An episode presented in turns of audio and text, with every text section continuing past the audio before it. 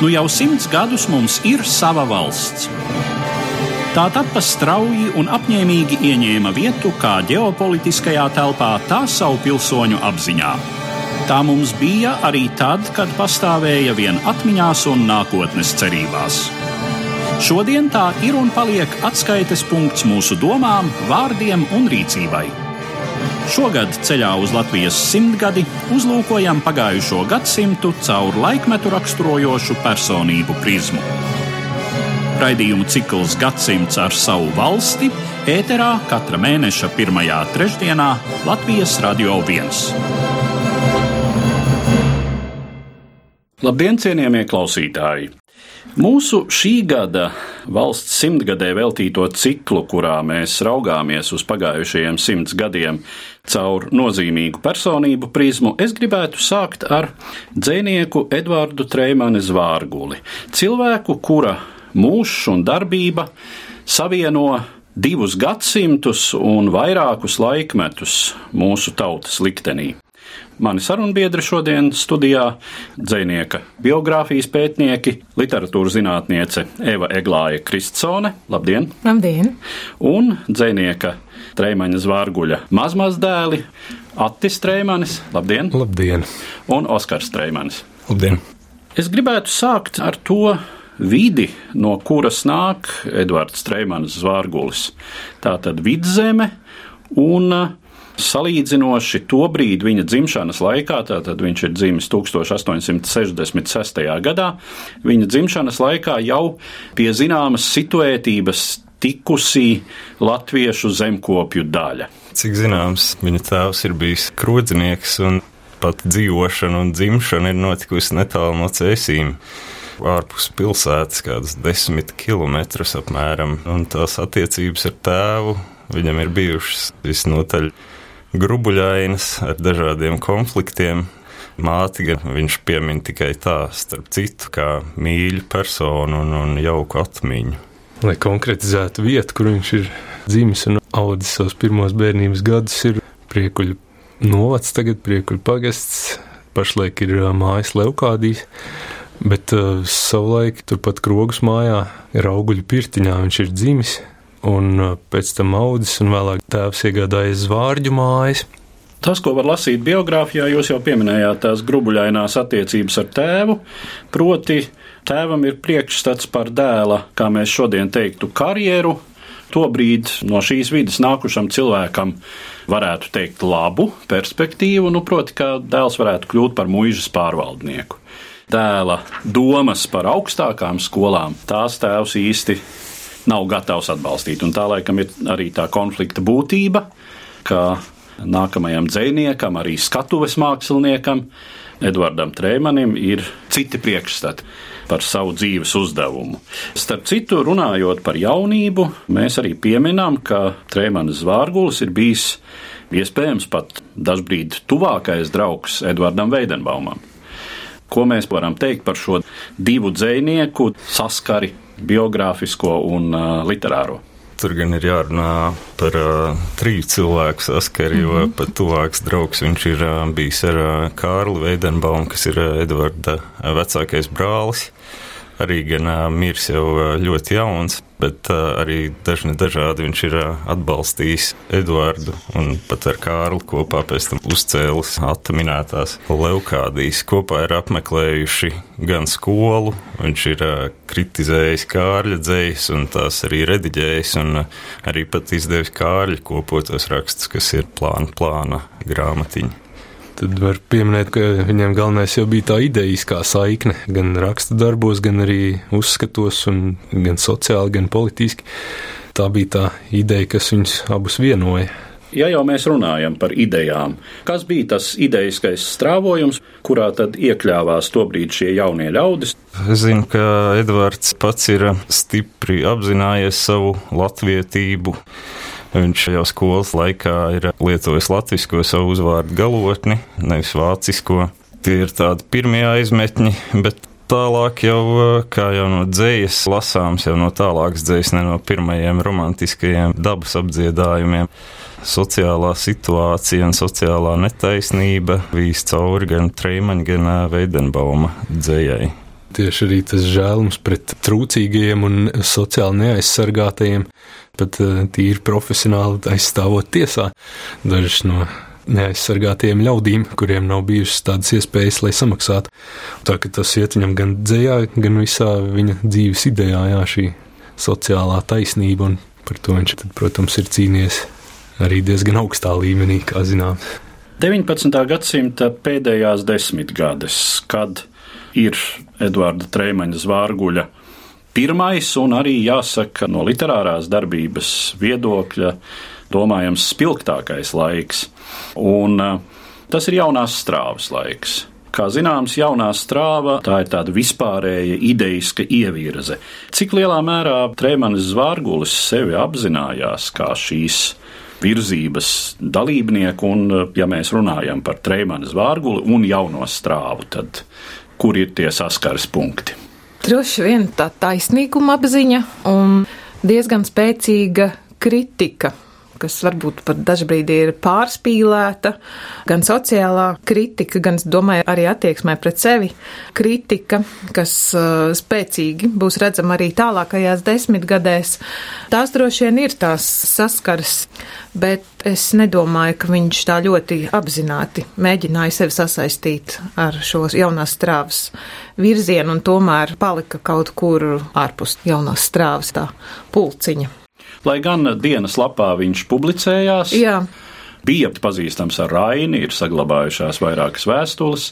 Citi tā laika literāti, kā Augusts Saulietis, kā Dokvatis, arī dzen, ir viņa tuvu paziņu un uh, kolēģu lokā. Bet uh, par Trēmanu Zvārguli jāsaka, viņš uh, varbūt paliek lielā mērā tādā, kā mēs šodien teiktu, populārākās literārās un arī citas darbības līmenī, un viņš darbojas cits starpā uz skatuves, kā aktieris un kā kupletists. Es domāju, ka tas ir saistāms arī ar ko jau iepriekš runājām, ka viņam patiesībā bija liels tas savs ego.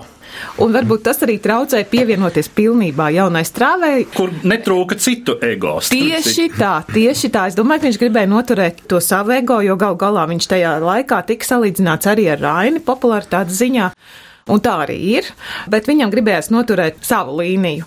Un jā, es domāju, ka to viņš arī centās realizēt uz skatuves, pieķeroties klāt pat tādiem darbiem kā Ibsena Nora, pats tēlojot doktoru Ranku, par ko gan viņi diezgan kritizēja. Tik žēl, ka nav īsti tāda iespēja palūkoties, kāds ir bijis šis kaut vai noras uzvedums, kas ir, es domāju, tajā laikā, 90. gados, ārkārtīgi liela uzdrīkstēšanās iestudēt. Tā kā es domāju, ka ar šo savu ego viņš pilnīgi noteikti ir iekarojis publikas simpātijas un sabiedrības intereses to brīdi un arī šobrīd, tāpēc mēs par viņu runājam nepārprotami bijusi artistiska personība, un 19. Eh, gadsimta 90. gados ir pat daži gadi, kad tiešām pilnīgi noteikti, kas no šī brīža skata punkta var šķist paradoxāli, bet uh, Edvards Trēmanis Zvārgulis ir bijis, ja ne kritiķu atzīts, tad katrā ziņā tautas atzīts par Jālieto laikam arī tas vārds izcilāko tā brīža latviešu dzēnieku palūkojoties uz dzēju, es domāju, tur ir daudz pērļu un gana daudz arī pēlavu, bet es domāju, ka tiešām tā bija ļoti lasīta tajā laikā dzēja. Un kāpēc viņš būtu ierindojams pie populārās kultūras? Tas droši vien vairāk saistāms ar jau 20. gadsimta sākumu, kad viņš sāk izdot zvārguļu zobgalu kalendāru un kalendāru vispār no 19. gadsimta 90. gadiem un pēc tam arī nākošajā desmitgadē ir kaut kas ārkārtīgi būtisks visai e, sabiedrībai, jo kalendārā tiek apvienots viss. Ja kāda sabiedrības daļa nepirka regulāri grāmatas, tad kalendārs bija noteikti tas, ko viņi iegādājās, jo tur bija gan literatūra, gan gada tirgu kalendārs, gan visādi cita praktiskā informācija. Varētu salīdzināt ar portālu Delfi mūsdienās. Jā, tieši tā. Gan literāri izklāstītas tankas, un, un, un tieši tā, un manuprāt, šajā zvārgu zobgalu kalendārā absolūti izcili ir arī karikatūra žanrs. Nesen tika publicēta kolektīvā monogrāfija par šo gadsimta mīs literāro kultūru, un es rakstīju par to, kā tiek reprezentēta sieviete un veidots sievietes tēls tajā laikā. Tad zvārguļu zobgala kalendārs bija vienkārši lielisks avots, jo tas, kā karikatūrās parādās tā laika uztver, kādai jābūt sievietei, kāda viņa ir, tas tiešām vislabākais avots bija no tā laika kalendāriem. Margrietiņa. Margrietiņa, Margrietiņa, tu man galvā spoko sen, tu man asinis uz riņķi kā ar suta spēku dzen. Vaigos pavasars tev laistās, acīs saule spīguļo, cik tu svaiga, cik tu maiga, ak, kurš lai to attēlo? Vai tā roka, vai tā kāja, viss pie tevis skaists un labs, apskaužu to ledus lāci, kurš par tavu vīru taps. Jā, bet kā labi, pats es tevi neķeru uz pēdām ciet. Tur ir viena maza līga, tu par glupju, mazuliet. No Zvārguļa zobgala kalendāra 1907. gadam ko Pēters Hērmans aprakstījis biogrāfijā. Viņš arī raksta, ka viņš ir bijis pats populārākais dzinieks tajā brīdī, gadsimta mijā, un ka viņš tiešām ir ļoti daudz interesējies par to, kas notiek pasaules literatūrā, pats arī tulkojis, arī atzējojis. Viņš bija ļoti ražīgs un ļoti drosmīgs. Jā, un drosme. ļoti darbīgs. Arī tas, ka viņam pašam taču arī izdevniecība Jā. bija, tas arī ir obligāti jāpiemina, kur gan, viņš jā, izdeva jā. ne tikai savus darbus. Viņš savu izdevniecību jau atvēra tajā posmā, kad viņš sāka norietēt kā populārākais dzinieks, un savu darbu izdošanai viņš nesaņemdams atbalstu vai neatrastams izdevēju, tad arī pats veidoja šo savu izdevniecību un veikalu, bet no veikala liktenis nebija ilgs, kā pats sevi raksturodams, kā nebūdams veikalnieks, tad uh, tur arī tā drosme izpaužās arī šajā aspektā. Absolūti, es domāju, jāpiemina arī ekstravagants. Es domāju, viņš ir viens no ļoti, ļoti retajiem, kuram ir izdevies panākt, ka viņš tiek apglabāts tiešām līdzās savai mājai. Un zinot to stāstu, kā viņš mēģināja izkarot šo vietu un pamatot, kāpēc tas ir vajadzīgs, veicot pat dažādus mērījumus, cik tālu tas ir no kilometri. mājas, vai tas ietekmē dzeramo ūdeni. ja viņš kam pieķērēs, tad to viņš darīja pamatīgi un līdz galam. Laiks starp 20. gadsimta sākumu un Pirmo pasaules karu - tas ir tāds Edvarda Treimaņa zvārguļa mūža apogejs droši vien, jo iepriekšējās desmitgadēs ir iegūts zināms popularitātes kapitāls. To izdodas konvertēt politiskā vienu brīdi, kā zināms, 1907. gadā Edvards Streimans Zvārgulis ir Krievijas valsts otrās domes deputāts no Vidzemes. Krievijas pirmais parlamentārisma mēģinājums pēc 1905. gada revolūcijas, kad cara patvaldība mēģina īstenot kaut kādu kompromisu ar sabiedrības modernizācijas tendencēm, nu tādu ļoti atturīgu kompromisu, protams, un arī šīs konkrētās domas liktenis ir tāds, ka tad, kad tā sāk um, patvaldībai kāpt pārāk stipri uz varžacīm, tā visai drīz tiek atlaista, bet uh, tas ir Trēmanim Zvārgulim droši vien tāds viņa mūža augstākais lidojums. Cik es ā, esmu paskatījies tā laika avīzes, atsaucoties uz šo ievēlēšanu, protams, ir dažādi viedokļi. Vācu valodā rakstošās avīzes pret viņu attiecas diezgan izsmējīgi, un latviešu valodā rakstošās avīzes kā nu kura, bet tas caurvijošais motīvs ir, ka pieredzes nezināšana politikā viņam nav. Un tad nu, mēs redzēsim, ko nu viņš izdarīs, un ka vārdi jāpierāda ar darbiem. Bet, ja nemaldos, šis sasaukums ilgā tikai četrus mēnešus, kur viņš bija paspējis uzstāties ar vismaz divām runām par jau sev tik mīļajiem tematiem, par bezdarbnieku jautājumiem un par runu pret uh, soda ekspedīcijām.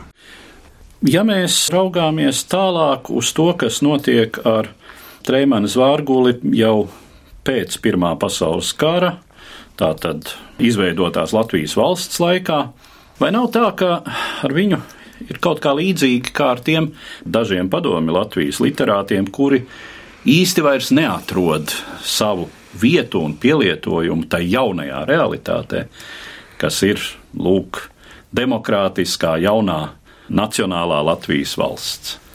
Tā ir taisnība. Gadiem ritot, viņš šo aizmirstību un rūkumu jūt aizvien vairāk un vairāk. Un, uh, to var lasīt arī viņa neizdotajā materiālā. Varbūt demokrātijas laiku viņš panes šā tā, bet mūža noslēgums ar Ulmaņa režīmu un padomu Latvijas izveidošanos viņam ir pats sāpīgākais. Ko mēs varam teikt par Treimaņa dzīves materiālo situāciju? Cik var noprast, tā nekad nav bijusi spoža. Spoža tā ir bijusi gadsimta mijā, un pat diezgan ļoti spoža. Viņam ir bijuši vairāki īres nami, Tad ar Kārlu Veidenbaumu kopā uzceltā vasaras māja Leukādija, turpat netālu no viņas dzimšanas vietas, ko pēc Kārļa nāves viņš iegūst savā īpašumā pilnībā, un tad attiecīgi laikam ritot visi šie iekrājumi, saimniekojot varbūt ne tajā pašā praktiskākajā manierē un investējot savu dažu izdevumu izdošanā, gan citu literātu izdevumu izdošanā tiek lēnāk garā palaisti nebūtībā. Līdz dzīves beigās viņš pat ir cietis badu, un vienīgais tas cietoksnis viņam ir palikušas tieši leukādijas. Latvijas klimata apstākļiem varbūt ne tā pati piemērotākā dzīves vieta. Nu jā, tā ir vasarnīca skaistā vietā, bet ar ļoti nelielu piekritīgo zemes platību, kas ir nepietiekama, lai sevi uzturētu ar lauksaimniecību. Jau biogrāfijā kaut kur arī bija minēts, ka viņš uzskaita, ka viņam ir jāievāc sienas divām govīm, katru gadu jāiestāda pāris koki, kartupeļi un daudz jāsēņo jāogo, lai sevi nodrošinātu. Jo lauksaimnieks viņš nav bijis ne pats, ne arī viņa senči. Kas varbūt bija tā pretruna, tas negatīvais paradoks starp Treimaņa uztveri izpratni un to jauno laiku, ar kuru viņš īsti vairs neatrada kopsaucēju. Nu, droši vien iesākumā jau var pateikt, tu visu laiku cīnies par kaut ko, un tie laiki mainās, un ka tev ir iespēja pilnībā izpausties, kamēr var protestēt vai par kaut ko iestāties, tikmēr tev ir kāda piekrišanas grupa. Līdz ko tie apstākļi mainās un tiek dot, kā teikt, brīva vaļa ikvienam, tad ir vēl daudz, kas dara to kaut kādā veidā, varbūt politiski veiksmīgāk nekā viņš to būtu spējis.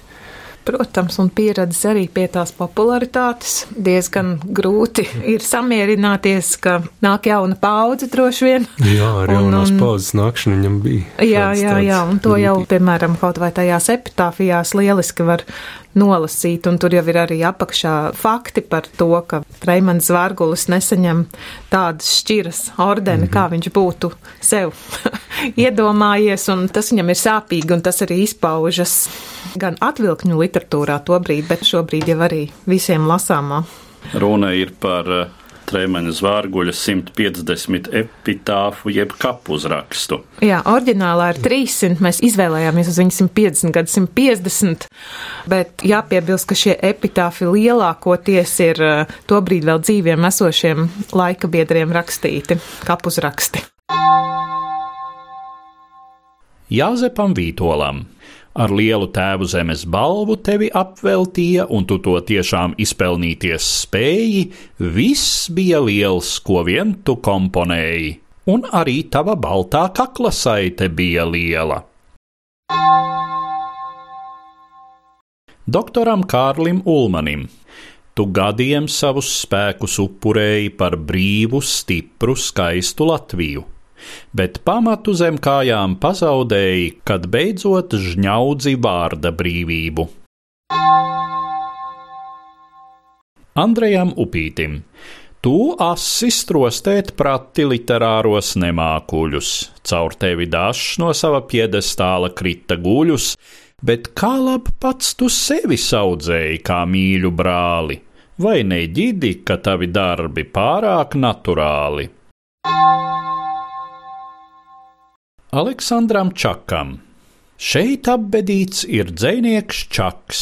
Viņš mazliet paviršs bija un smags, bet saudabīgums virda viņā, un meistars bija viņš gleznu ziņā.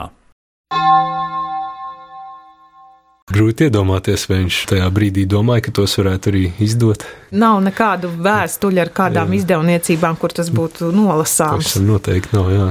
Domājot par attiecībām ar literāro vidi, no vienas puses arī tais 20. un 30. gados Trēmanis Zvārguls nav gluži pilnīgi izolējies vientuļnieks. Kaut kādi personiskie kontakti saglabājas, notiek zināms sarakste, bet es saprotu, ka ir diezgan grūti viņam pieņemt arī to jauno estētisko realitāti, kas ir ienākusi literatūrā. Droši vien, ka viņš īsti nesaprot ne Sudraba kalnu, ne Čaku, ne Eriku Adamsonu, iespējams pat Jāni Ezeriņu. Protams, domāju, nesaprot ne pozitīvistus, ne ekspresionistus.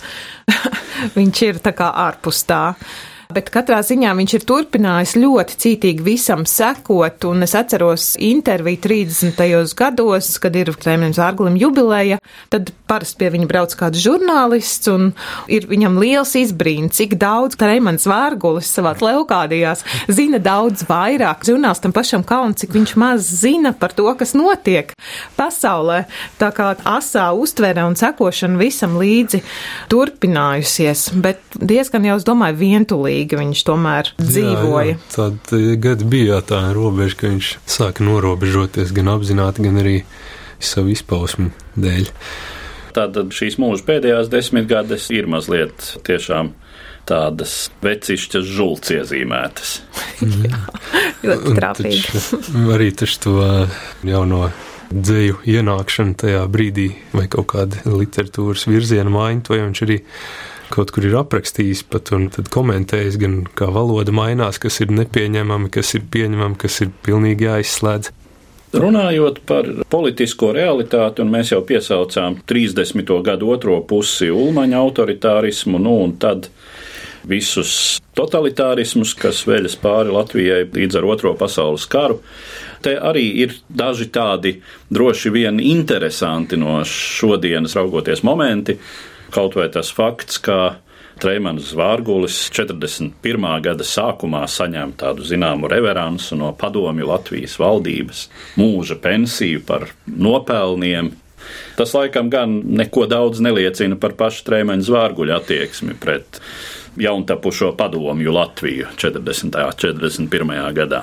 Par šo var runāt diezgan plaši.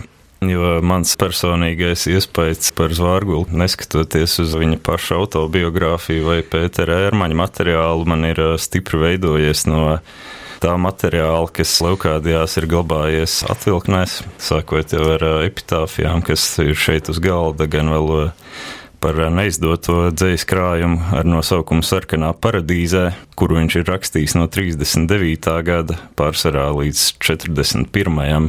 bet ar dažām rindām arī līdz 44. gadam. Tur viss šīs attieksmes ir stipri labi redzams. Arī tikko apspriestais pensijas jautājums, un bada jautājums, un politiskās attieksmes. Un kas ir brīnišķīgi, ka šie visi dzējoļi, šīs četrīnas ir datētas, un arī šajā brīdī, kad viņš ir jau 75 gadus vecs, mēs varam redzēt, ka gandrīz kā mūsdienu interneta laikmetā viņš par vispasaules notikumiem informāciju ir ieguvis brīnišķīgā ātrumā. Ir iebrukums Somijā, viņam ir atsauce uz to, vairākos dzējoļos ienāk padomju karaspēks Latvijā, kad tiek noslēgts šis līgums. Viņam ir ko teikt par ulmaņa rīcību, viņam ir ko teikt par uh, visas tautas atbildes reakcijām, viņam ir ko teikt par lietuviešu un igauņu rīcībām. Un tā uz priekšu mēs varam sekot šiem notikumiem gandrīz kā vēstures grāmatā. Mēs varam just, kad ir notikušas cilvēku izvešanas, kad ir ienākuši vācieši un kādas ir viņa sajūtas, kas ir bijušas visnotaļ tādas apakaliptiskas, ka viņš ir sapratis, ka padomju karaspēks tomēr atgriežas atpakaļ. Visu šo krājumu gan viņš nobeidz ar tādu domu, ka Eiropieši dzīs prom šo nedraudzīgo spēku, bet, kā izrādījās, viņam būtu vēl bijis jāpagaida 45 gadi vismaz. No krājuma sarkanā paradīze 1939. gada 12. oktobrī Trojas zirgs. kā arī Igauni un Lietuvieti esam ciešām garasaitēm sieti, spīdoši to parādīja mūsu politiskais cirks. Mums nu katram ir savs trojas zirgs. 1940. gada 6. novembrī Anna Sakse. Par Kerenski mums atklāja Anna Sakse, viņš esot reiz zem sievas bruņķiem bēdzis. Vai vispār vīrietis kāds tā darīt mēdzis? Nu, ticēsim, ka Saksei ir tur sava prakse. 1941. gada 6. janvārī Laupītāji. Ja laupītājs tev ceļā atņem naudas maku, viņš tevi nespiež, lai tu viņam pateicies par to, bet tagad tautai, vai tas drusku nav par traku, par savu aplaupīšanu ir līksmi jādanco. Ar kara laiku saistās arī droši vien tāda pēdējā ļoti traģiskā epizode dzēnieka mūžā 44. gadā, kad uh, Vācu karaspēks pamet Latviju. Un uh, šis gadījums, kad tiek mērķtiecīgi iznīcināts Trēmaņa zvārguļa stādītais dārzs pie Leukādijas Tur gāja frontes līnija, gar viņa māju, gar Gaulimalu, jā, bija plānota, jā. Netāli ir uh, izrakts pat uh, ierakumi, kas gan netika tā īstā kardarbībā droši vien par laimi izmantot. Un tā tad arī šie koki visdrīzāk kaut kādu militāru iemeslu dēļ tika notīrīti. Jā, un tas viņam bija ļoti sāpīgi, jā, tad viņš apraud kā savus mirušos bērnus gandrīz vai, jo tos viņš pats bija stādījis, tas ir var teikt, tāds parka veida mežs, un viņš vienmēr ir bijis kopā ar šo dabas un pašu veidoto ainavu leukādijās, un tad vienā brīdī to visu atņem. Un tad par to viņam arī, protams, daudz dzējas ir. Dzēju cikls koku kapsētā. Droši vien viens no spēcīgākajiem trēmaņa zvārguļu radītajiem tekstiem. Ja nu par mūža pašu nogali, tad eh, kā paiet šie pēdējie gadi paiet samērā lielā nabadzībā. Viņa dēls arī tiek paņemts kurzemes katlā, kā kara gūsteknis, un pēc tam izsūtīts. Cik es esmu lasījis viņas sievas eh, Elizabetes vēstulē, ka viņš ir aizgājis miegā un eh, lielā vecumā. Protams, skumjš mūža fināls, ļoti likumsakarīgs droši vien tam laikam, kurā Trēmanim Zvārgulim nācās dzīvot.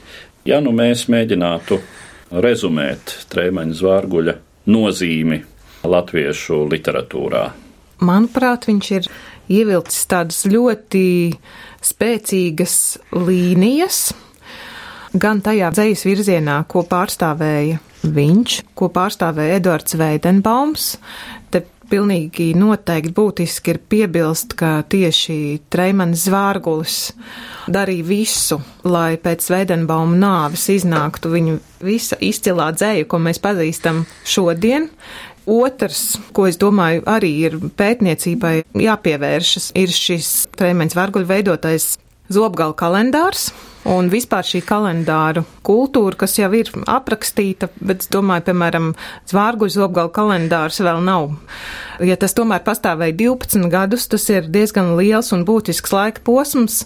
Tāpat eh, arī teātra darbība Patiesībā to pašu svarīgāko mēs mēģinājām ietilpināt arī izstādē, kas bija Latvijas Nacionālajā bibliotēkā par populāro kultūru gadsimtu mijā, kā tādu centrālo asi, paņemot Treimanu zvārguli kā populārās kultūras pārstāvi.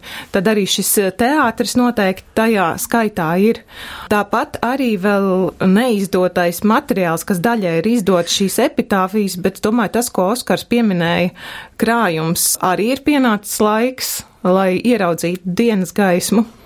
Manuprāt, Zvārgls arī ir, nu, nevar teikt, sadalījies divās daļās, bet viņam ir divas tās puses. Viens ir tas, kas ir publicēts viņa laikā, kur viņam ir bijusi aprakstīta viņa slava, un otrais ir viņa domas un pārdomas, un visos šajos komentāros un vēstulēs un neizdotajos materiālos, un ka tā ir tāda personiski dzēlīga un tieša puse, kas tiešām vēl ļoti daudz var pateikt par viņu pašu un arī laikmetu, kurā viņš ir dzīvojis.